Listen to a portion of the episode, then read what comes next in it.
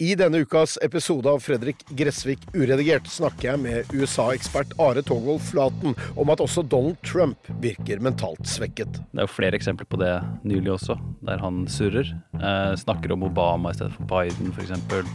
Han er jo ikke det han var, han heller, hvis du ser tilbake på klipp av Trump fra 2015-2016. Gjerne enda lenger tilbake, den gang han var demokrat. Hør Fredrik Gressvik uredigert, gratis der du hører podkast.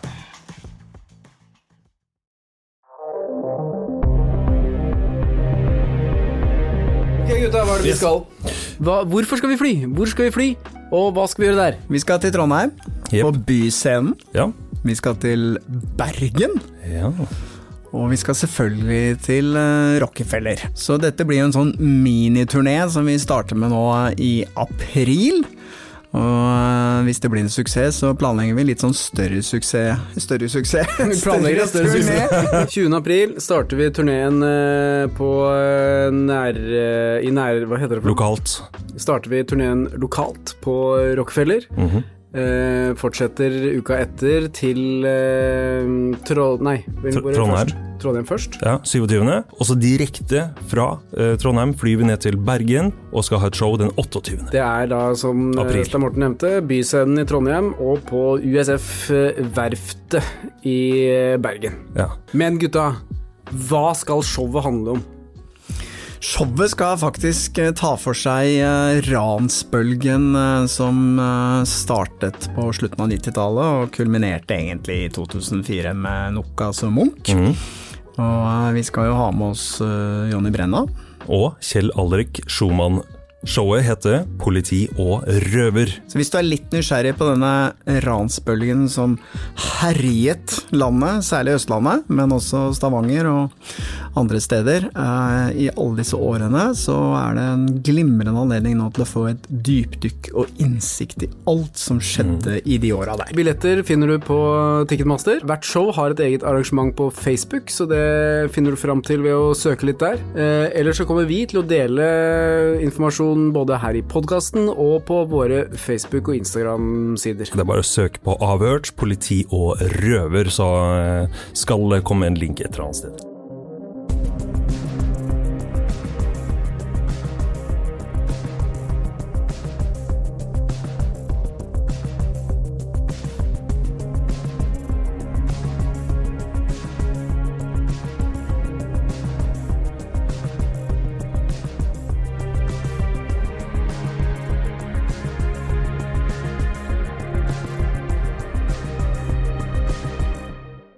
Velkommen til oss, Håvard Haftor Arntzen. Jeg glemmer alltid det mellomnavnet ditt. Men du har jobbet i politiet i veldig mange år, du jobber fortsatt for Kripos. Du er vel eh, Er du leder for kriminalteknisk der oppe nå? Ja, er seksjonsleder eh, for en seksjon som heter eh, Seksjon for brann, kjemi og dokumenter, og så er jeg leder for noe som heter Åstedsgruppa. Det er de fra Kripos som røkker ut på, på drapssaker. Men aller først, for de som ikke liksom kjenner organiseringen i norsk politi, så, så er kanskje ikke alle som skjønner helt Kripos sin rolle, for man har jo ulike politidistrikt. Hva er egentlig Kripos sin rolle? Og den er stor, eh, men når det gjelder mitt fagfelt, altså med kriminalteknikk, så er det sånn at det er politidistriktet som har ansvaret for å etterforske det, det som skal etterforskes i Norge. Eh, så er det sånn at eh, på Kripos, som et særorgan, så eh, har vi en del folk som får lov til å bli veldig god i et lite, lite felt. Og de personene her, de kan da politidistriktet be om at vi trenger eh, bistand, eksempel til eh, fingeravtrykksundersøkelse, fordi at vi har folk som jobber med fingeravtrykk hele tida, og som har jobba med det her i mange, mange år.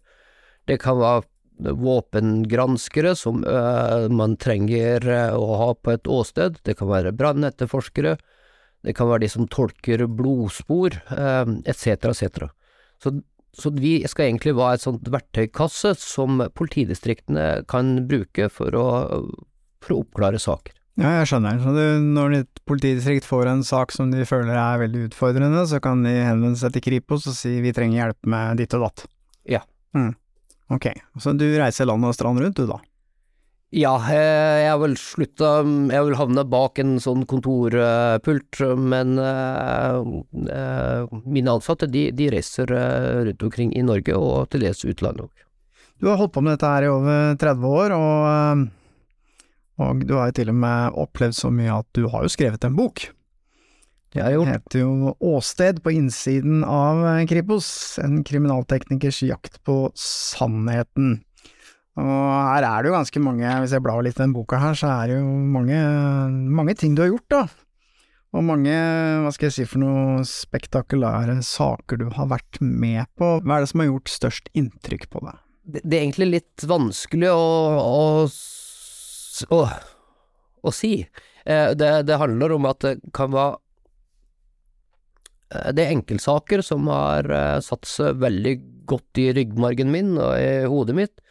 Og så er det de store sakene som man eh, har vært med på, som òg har, har brent seg fast. Men hvis jeg skal plukke ut to sånn enkeltsaker som eh, eh, Som er kanskje noe av de de største jeg har vært med på, så, så er det flyulykken på Svalbard i 1996 og tsunamien eh, som vi hadde i Thailand i eh, 2004. Mm. Vi var jo sammen på Svalbard da vi lagde et TV-program om denne flyulykken på Operafjellet. Vi var jo til og med oppe på Operafjellet der, og, og det var jo ganske sterkt. Det lå jo fortsatt rakrester fra flyet oppå fjellet der. Hva er det du husker, eh, hvordan var det liksom å komme til et åsted for en såpass, skal jeg si for forferdelig flyulykke? Ehm, um, det var Det var veldig overveldende. Uh, det var veldig spesielle forhold uh, som var oppe på Operafjellet. Uh, jeg husker at når jeg, når jeg satt i flyet på tur oppover, så prøvde jeg å forberede meg så godt som jeg kunne. Eh, jeg hadde litt erfaring eh, tidligere, ikke mye. Jeg hadde vært med i Vassdal-ulykken, hvor eh, flere militærpersonell omkom. Jeg hadde vært på Torkatten-ulykken i Brønnøysund, som skjedde i 1988. Jeg hadde bare sånn perifer oppgave da, men, men det var liksom det jeg hadde av, av, av erfaring.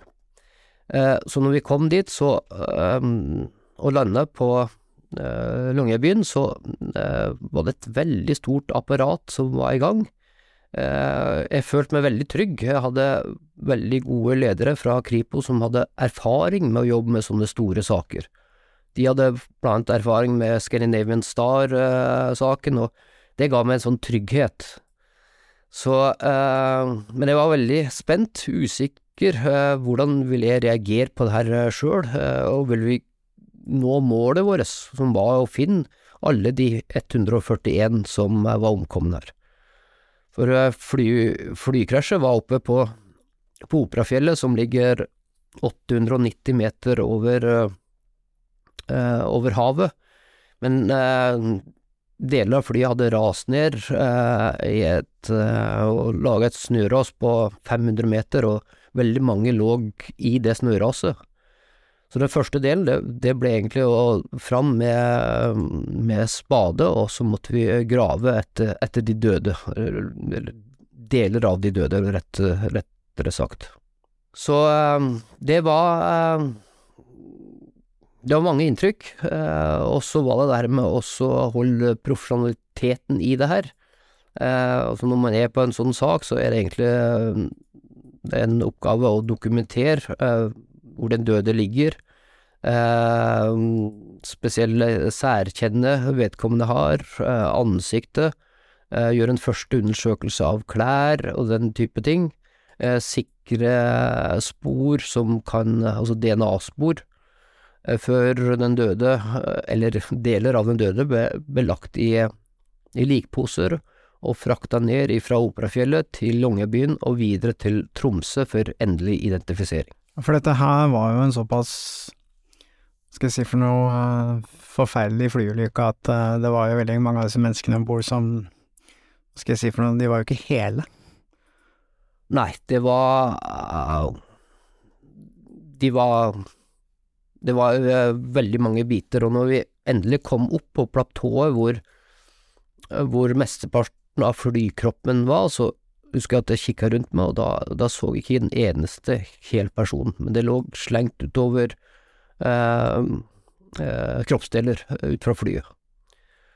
Og da bare lurte jeg på hvordan vi i alle dager skulle greie å få oversikt over kontroll på det her, og jeg husker min sjef, han eh, ga meg og tre andre i oppgave at vi skulle undersøke en del av flykroppen, det var, jeg tipper han var ca. ti meter lang, og det var bare forvridde metallrester, og det eneste som jeg så av det som kunne minne om et menneske, det var ei hand som stakk opp. Og vi begynte vår undersøkelse der, og etter jeg tror det var 12-13 timer, så var det over 40 personer som lå inntulla i hverandre der. Ok. Men du sier jo selv at du var ikke sånn veldig erfaren på det tidspunktet. Eh, hvordan var det å komme til et sånt åsted og alle disse synsinntrykkene, det må jo ha gjort noe med det? Ja, det, det har det selvfølgelig gjort. Eh, eh, jeg følte på den tryggheten som, eh, som eh, jeg hadde av mine ledere som har vært med på, på det her tidligere, og så hadde vi Jeg hadde jo vært med på obduksjoner og sånt eh, tidligere, men men det er en del sånn gode råd som eh, vi måtte følge der oppe. For eksempel så, så er man ikke sulten når man holder på med en sånn jobb. Og så husker jeg at uh, sjefen min kom og sa at Håvard, nå skal du og dine her spise.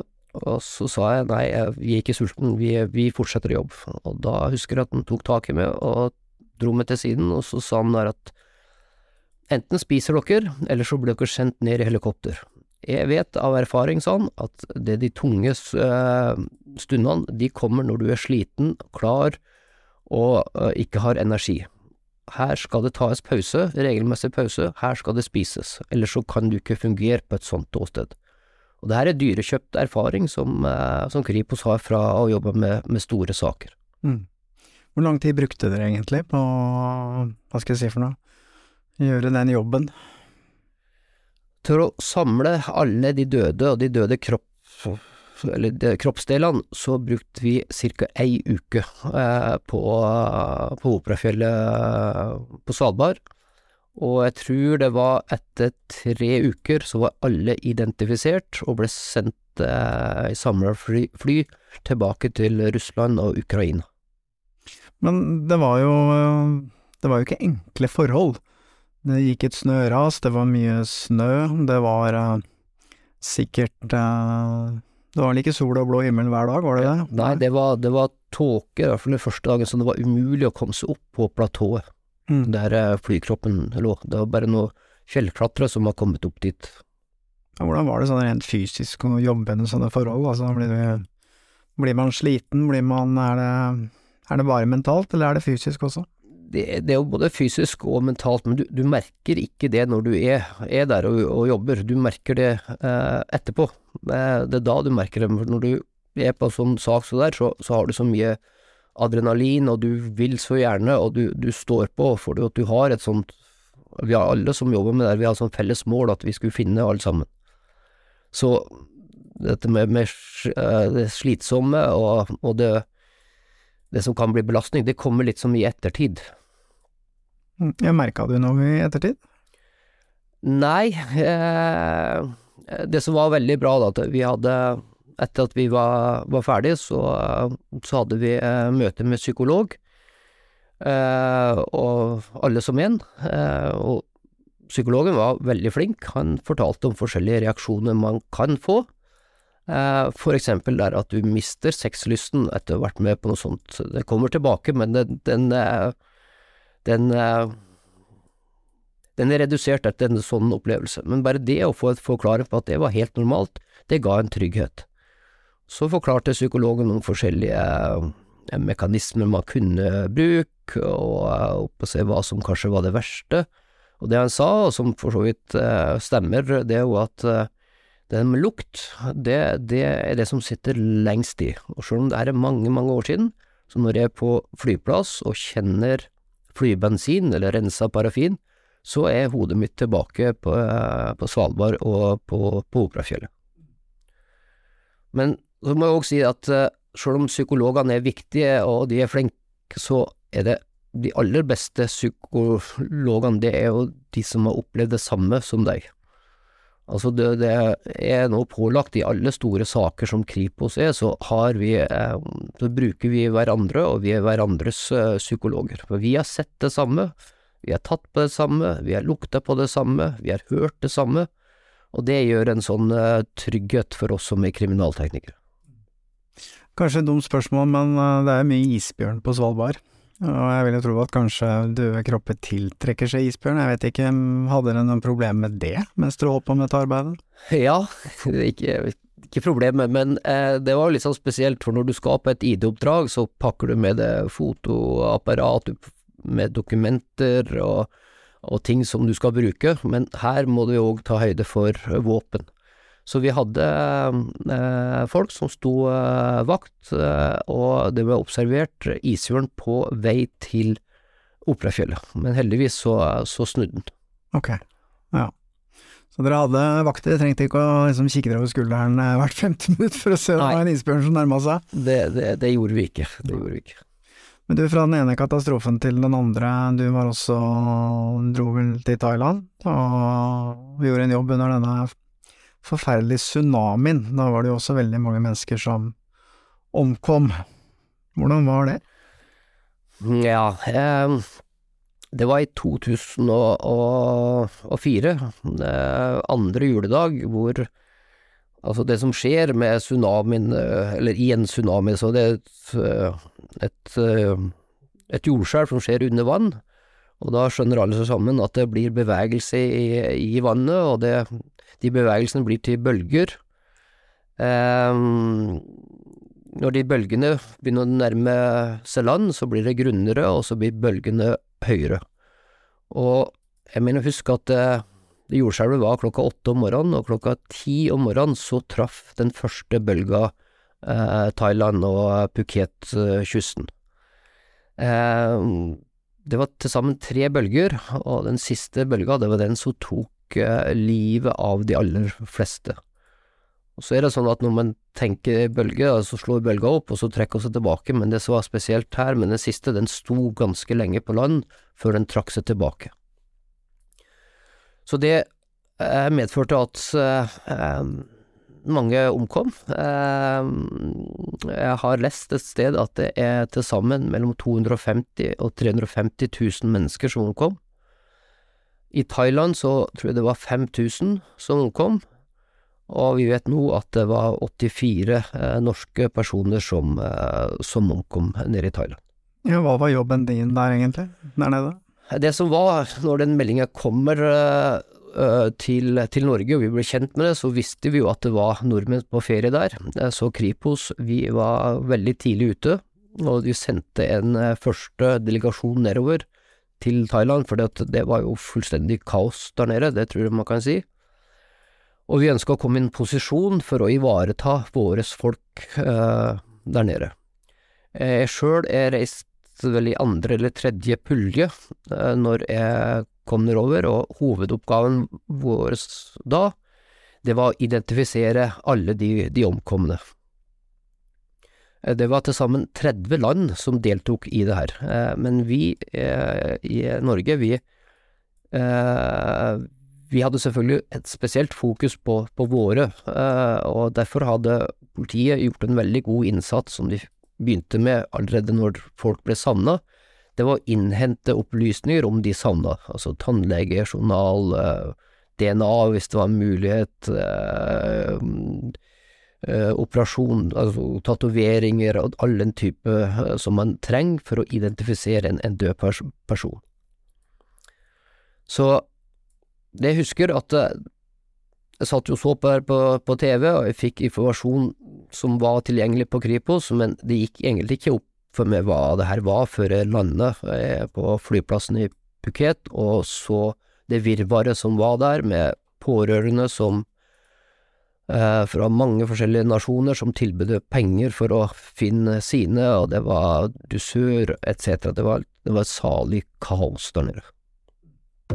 Et godt råd fra Apotek 1.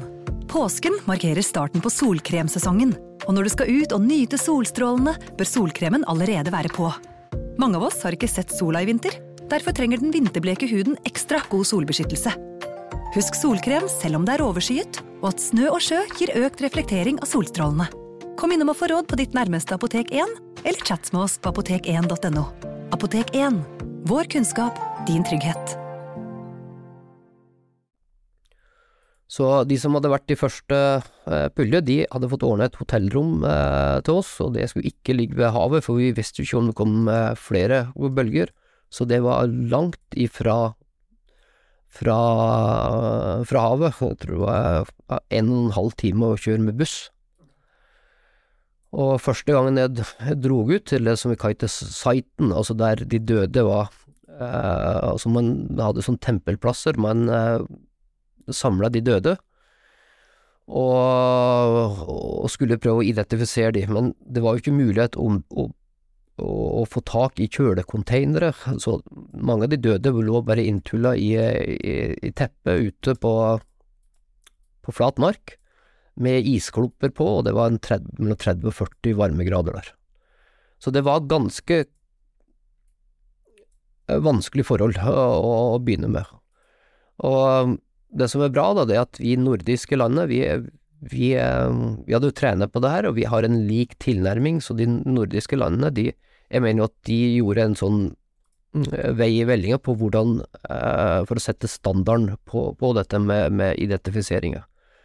Så det vi egentlig jobbet med da, det var at vi, eh, vi henta en død kropp, eh, og så begynte kriminalteknikeren å fotografere eh, bilder av ansiktet, kjennetegn, arr, etc., etc.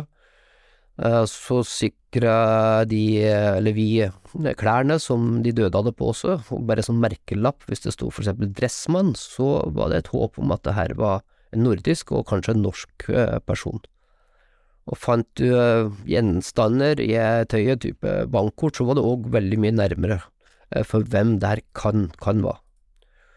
Så etter at kriminalteknikeren var ferdig med sin undersøkelse, så er det rettsmedisineren som, eh, som undersøker eh, den døde, prøver å finne ut eh, som noenlunde hvilken skader det er, og alder, eh, ser om det er noen operasjonsarr, noen skavanker, etc., etc. Det er liksom rettsmedisineren sin, jobb oppi der. Og så har vi eh, fingeravtrykkseksperten som sikrer da fingeravtrykk, eh, sånn at vi har fingeravtrykk på den døde for å eventuelt sammenligne opp mot passregister og den type ting. Og så eh, har vi jo tannlegen som til slutt undersøkte tennene til den døde og kunne sammenligne med tannjournaler som, eh, som var fra det respektive hjemland. Så ble jo sikra DNA, og alle trodde jo at DNA skulle hjelpe oss veldig fort, så vi skulle blitt fort ferdig, men det viste seg at det var veldig vanskelig å få ut eh, DNA ifra eh, de omkomne her. Det har sannsynligvis med, med den temperaturen som har, eh, har vært, og det var en del sånn stussing på hvorfor vi ikke fikk det til, men det funka ikke så godt der nede. Vi hadde jo allerede brukt DNA på Operafjellet eh, seks og sju år tidligere, eh, men eh, under de omstendighetene som var der nede, så ga ikke det det resultatet eh, som, som vi trodde. Hvor lenge var du der nede? Til sammen sju uker, sju og en halv uke var jeg der nede. Du holdt på oppi det der i syv og en halv uke. Ja, det vil si at Kripos de sa sånn at ingen skal være lengre der enn tre, tre uker. Du må komme deg hjem, og du må eh, lande litt, eh, for at du blir veldig grepet av det her, og du blir, som jeg nevnte, du får sånn adrenalin, du bare fortsetter og fortsetter. Du har et sånt utrolig ønske om å hjelpe de pårørende, sånn at de skal få sine hjem. Så derfor så innførte vi at etter å har vært der tre uker, så skulle du i hvert fall være hjemme i 14 dager. Og når jeg kom hjem etter første tur, da, så, eh, så var det var vanskelig å lande her hjemme, også fordi at tankene mine var der nede. Du ønska det egentlig bare tilbake for å så fortsette. Ja. Men jeg regner med at det, vært, det var sikkert mye barn og sånn, altså hvordan er det å liksom se en sånn tragedie på nært hold? Det er jo det som er det, eh, det tyngste. Det er også jobb, jobb med, med døde barn. Altså, det var fem døde barn i, eh, i flyulykka på, på Svalbard. Nede i eh, tsunamien så var det òg veldig, veldig mange barn, og det det, det, det er det som er det tyngste, for at unger er så uskyldige, og sjøl har jeg tre unger, og det, det er det som er det, det vonde og ekle med den jobben her, når det blir så, så nærme. Eh, Du, du setter selvfølgelig inn i situasjonen her, og så det, oppleves som, som tungt.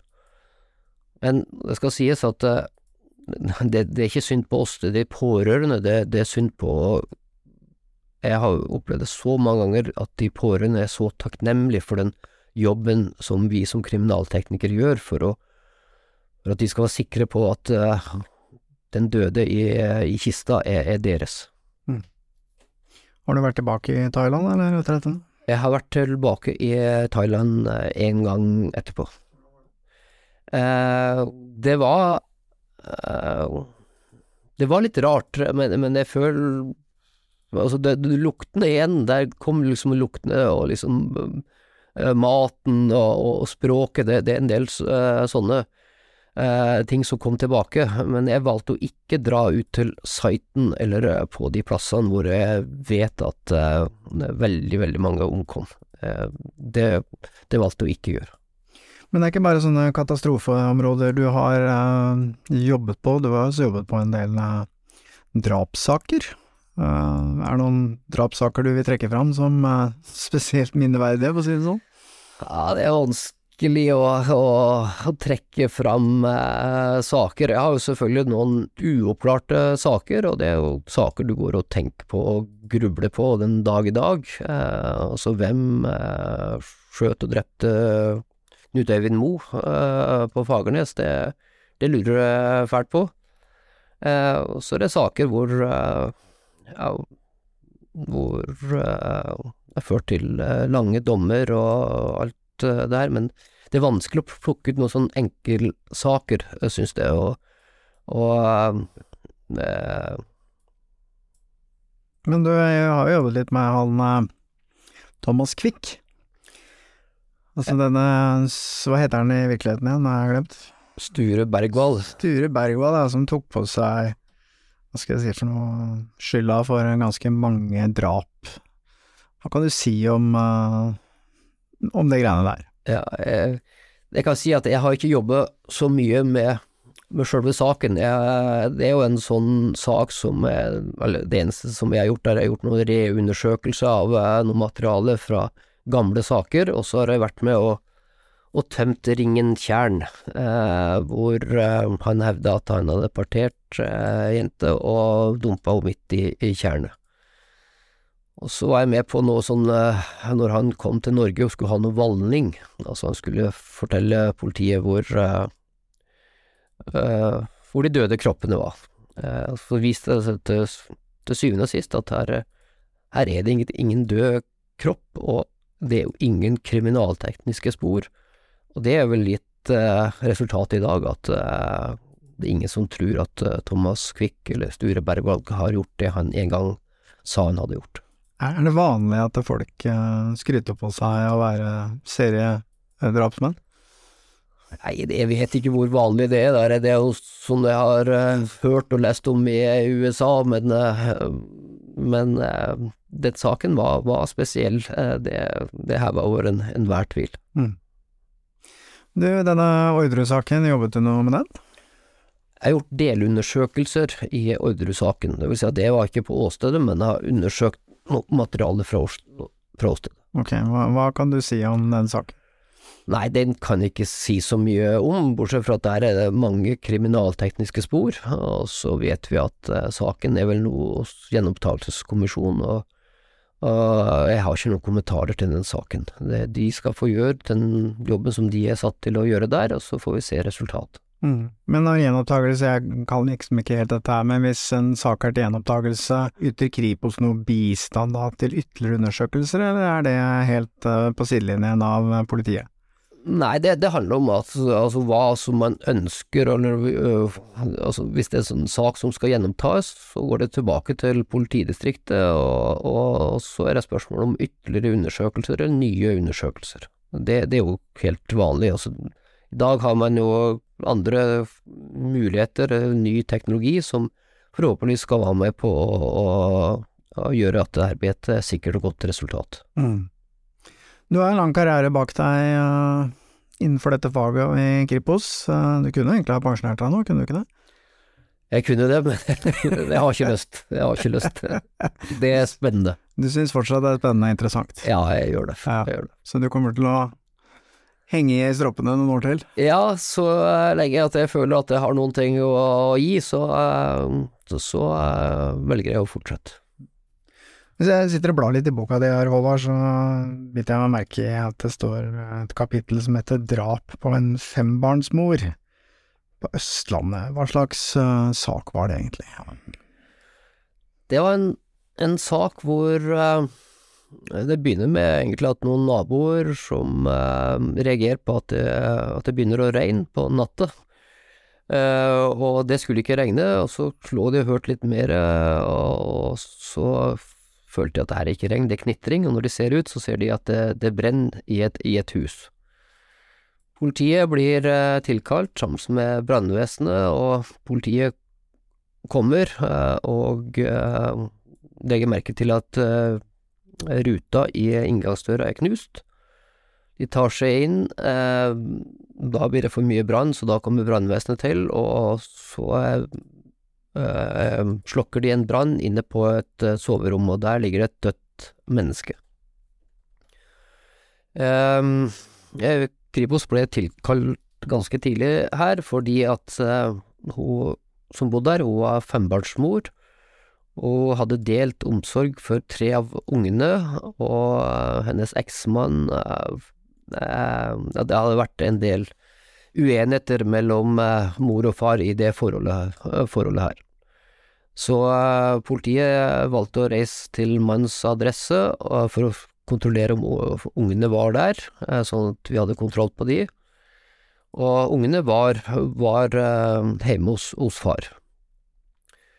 når vi kom til åstedet da, på, på morgenen, eller på dagtid, så så begynte vi utvendige undersøkelsen, og så så vi at ja, vinduet var knust, og med bakgrunn i hvor glassbitene lå, og små spor på glassporene, eller glassbitene, så så vi at det var knust fra utsida og, og inn. Det lå òg en stein på innsida, noe som tyder på at det er et straffbart forhold som er begått. Den steinen, husker jeg, den, den stammer fra blomsterbedet på utsida. Vi begynte å bevege oss inn i huset, så så vi at det lå flere ubrente fyrstikker, og eh, flere beholdere, så når vi lukta på det, det sto at det var spylevæske, men når vi lukta på det, så, så var det var ikke spylevæske, det var bensin. Vi tok ut den, eh, den døde. Eh, vi reiste tilbake til Oslo, den, hun ble obdusert, og hun hadde ikke sot i pusterøret, noe som tyder på at hun ble død når eh, brannen starta å produsere eh, røyk og, sot.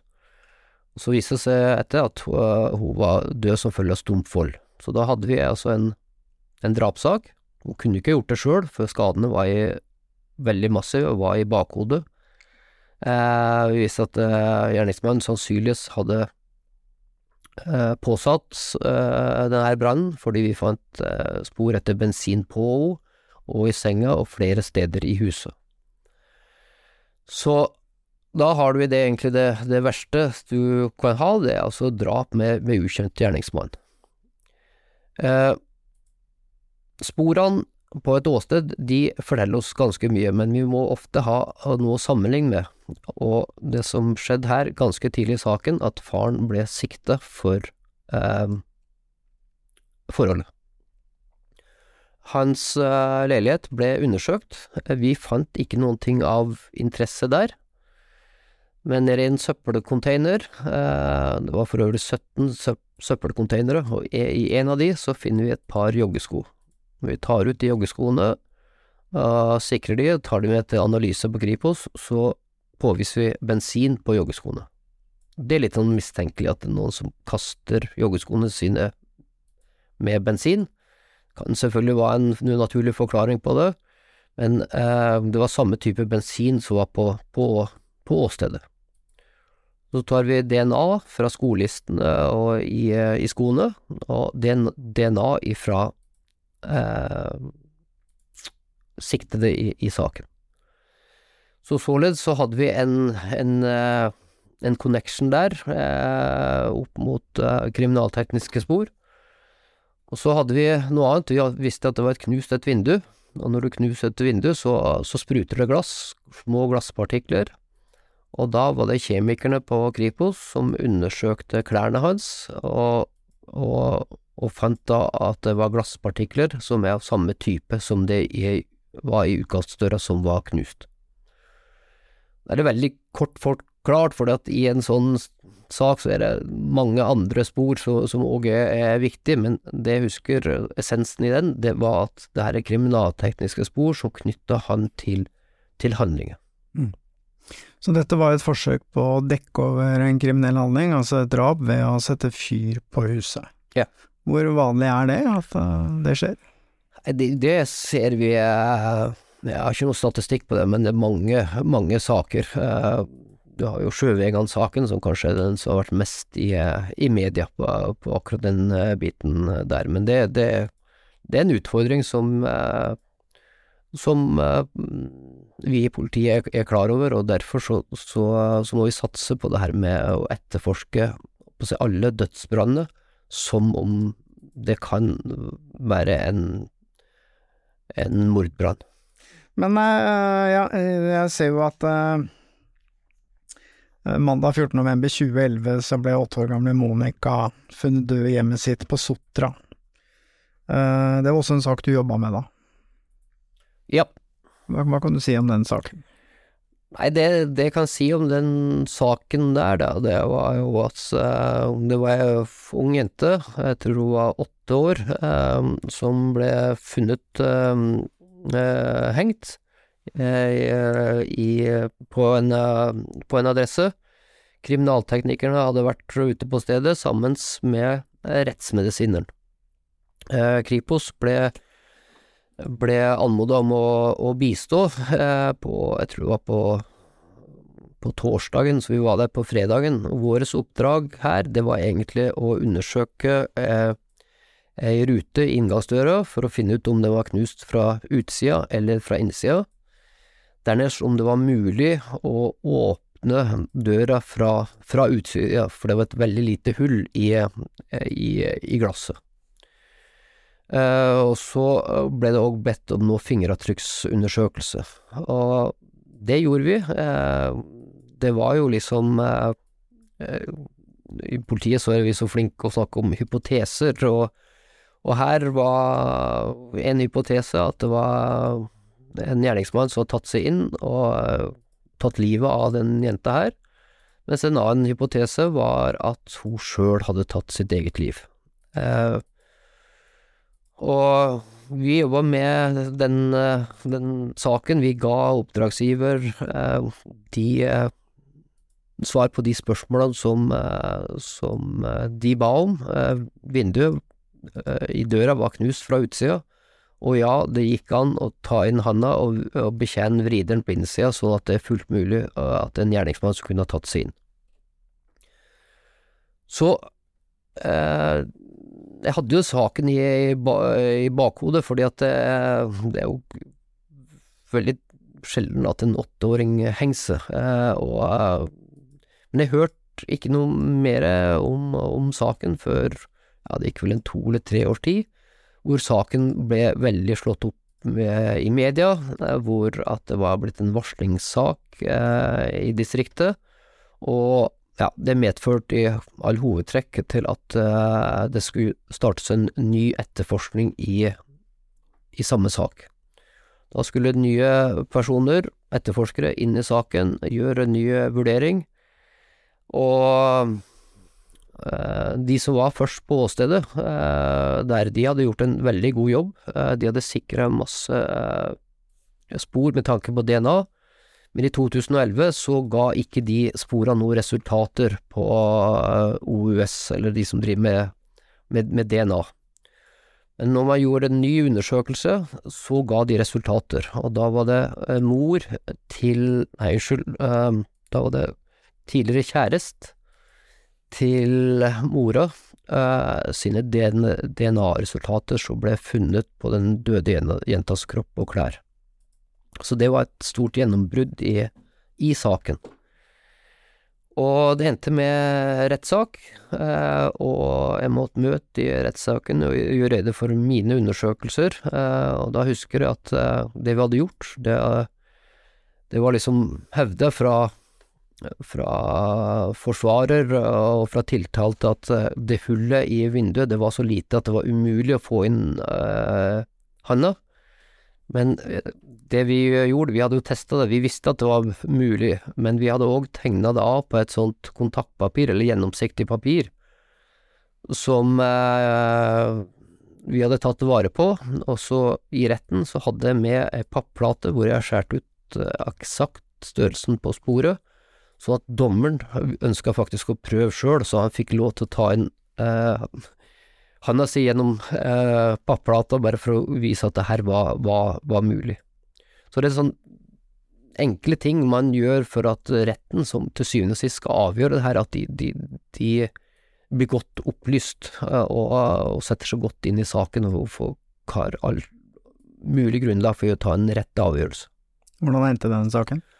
Det endte med at han eh, ble dømt, jeg tror det var 18 års eh, fengsel. Eh, han, jeg vet at han anka, men han trakk anken sin. Ok, så han endte opp med 18 år i fengsel. Ja. Mm. Flott, Håvard. Det er hyggelig at du kunne komme til oss og fortelle disse historiene. Helt til slutt, for en, noen uker tilbake, så fikk jeg en mail fra en fyr som lurte på om jeg var interessert i å få oppskriften på det perfekte drap. Jeg turte ikke å svare, ærlig talt, jeg var litt redd for å men, men finnes det? Er det mulig å å begå drap uten at dere klarer å avdekke hva som har skjedd. Det høres nesten ikke sånn ut når du forteller nå. eh, jeg tror fra 2012 så tror jeg ikke vi har noe uoppklart eh, drap. Eh, Nå har vi en sak i, ikke så langt herifra, i, i Lørenskog, men jeg vet ikke om den er rubrisert som drap eller forsvinning. Men vi har veldig, veldig få uoppklarte saker i Norge, og det skal vi være glad for. Eh, det er blitt mye vanskeligere eh, for eh, en gjerningsmann. Jeg husker en som sa det til meg, at det er omtrent umulig å være kjeltring i dag, det, du blir røpa overalt. Og i dag så har vi altså DNA og kriminaltekniske spor, det, det har blitt mye bedre, og vi har blitt flinkere, vi har flere instrumenter etc.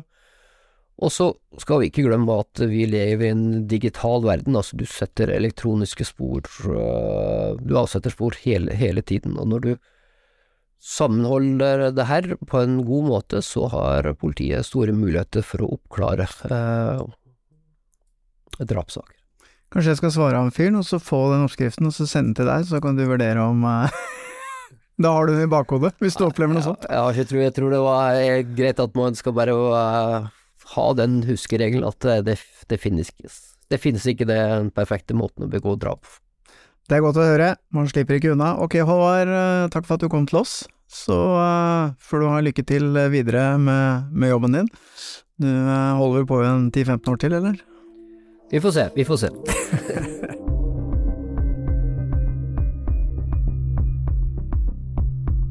Avhørt er en podkast produsert av Batong Media. Redaksjonen vår består av Stein Morten Lier, Helge Molvær og Lars Christian Nygårdstrand. Du finner oss på Facebook og Instagram, og ønsker du deg kanskje en stilig Avhørt-T-skjorte, kaffekopp eller caps, gå inn på fanwear.no og søk på Avhørt.